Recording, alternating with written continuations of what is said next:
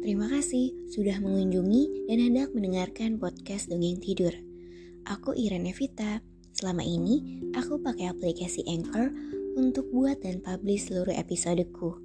Kalian juga bisa loh download dan pakai Anchor untuk buat podcast karena 100% gratis dan bisa didistribusikan ke Spotify dan platform podcast lainnya. Karena 14 September adalah hari spesial untukku, ada satu dongeng klasik yang membuat mataku berbinar tiap membayangkannya. Aku ingin membagikan cerita itu pada kalian. Rasanya ingin berada di pesta dansa, memakai gaun indah, dan menemukan pangeran sejatiku lalu berdansa bersama semalaman. Itulah cerita yang ingin kubagikan pada kalian. Selamat mendengarkan 12 putri penari. Semoga lekas tidur dan bermimpi indah.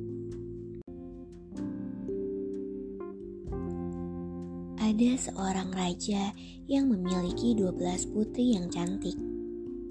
Mereka semua tidur di 12 ranjang di dalam kamar yang sama. Setiap malam, pintu selalu tertutup dan dikunci. Namun anehnya, setiap pagi sepatu mereka semua tampak lusuh seperti telah dipakai menari sepanjang malam. Tak ada yang tahu mengapa itu terjadi atau di mana mereka semalaman. Maka raja mengumumkan ke seluruh penjuru dunia. Jika ada siapa pun yang bisa mengetahui rahasia tersebut dan mencari tahu di mana para putri menari semalaman, ia boleh menikahi salah seorang putri yang ia sukai kemudian menjadi raja selanjutnya menggantikan sang raja setelah ia meninggal. Namun, barang siapa telah mencoba untuk mencari tahu dan tidak berhasil dalam tiga hari, ia akan dihukum mati. Seorang putra dari raja kerajaan tetangga yang mendengarnya pun datang. Ia dijamu dengan baik dan sore hari dibawa ke ruangan di samping kamar 12 putri. Di dalam ruangan itu, ia duduk dan hendak memperhatikan ke mana para putri akan pergi. Untuk itu, ia tidak boleh melewatkan apa pun di pendengaran telinganya. Ia sengaja membuka pintu ruangannya. Sayangnya, ia jatuh tertidur. Esok paginya, ia menemukan sepatu-sepatu para putri telah dipakai menari karena sol sepatunya penuh lubang. Kejadian yang sama terulang di hari kedua dan ketiga. Sesuai persyaratan sayembara, jika selama tiga hari tidak dapat menyelesaikan misi tersebut, maka siapa pun itu, ia akan dihukum mati raja pun memerintahkan pengawal untuk memenggal kepala sang pangeran. Setelah pangeran itu, para pemuda lain pun datang.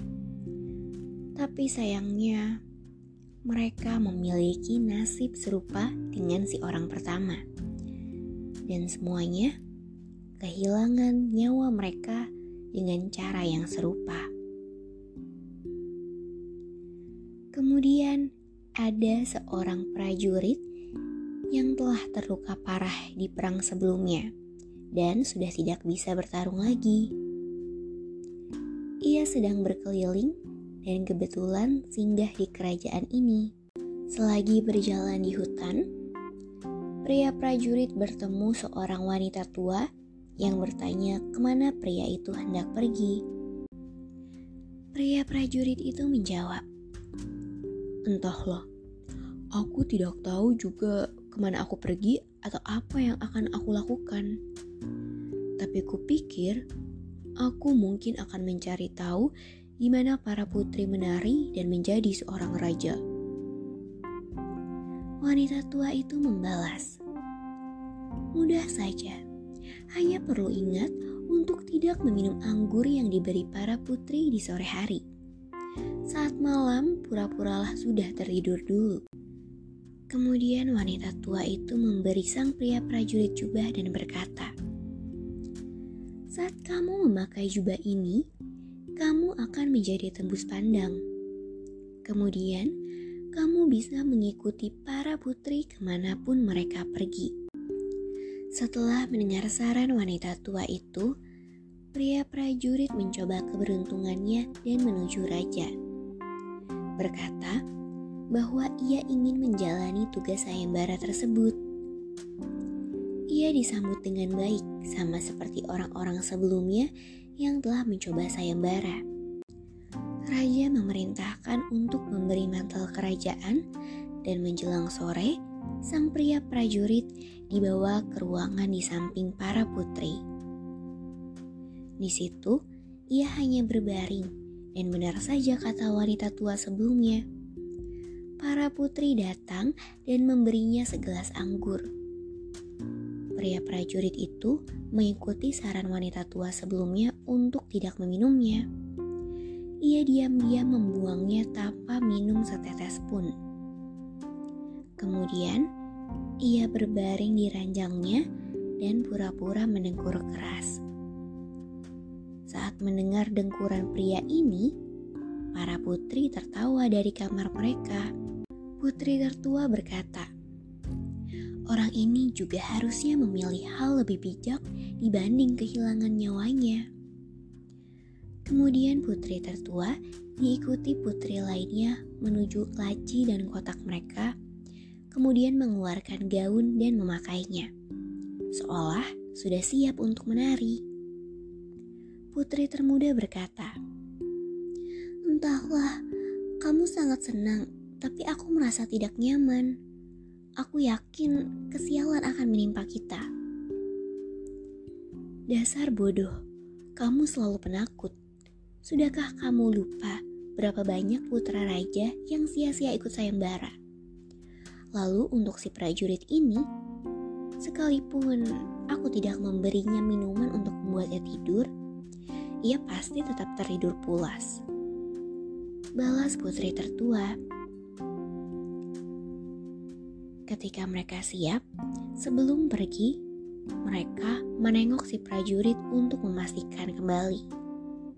Mereka melihat sang prajurit sedang mengorok dan tak ada gerakan tangan atau kaki dari pria itu. Maka mereka menganggap mereka sudah aman.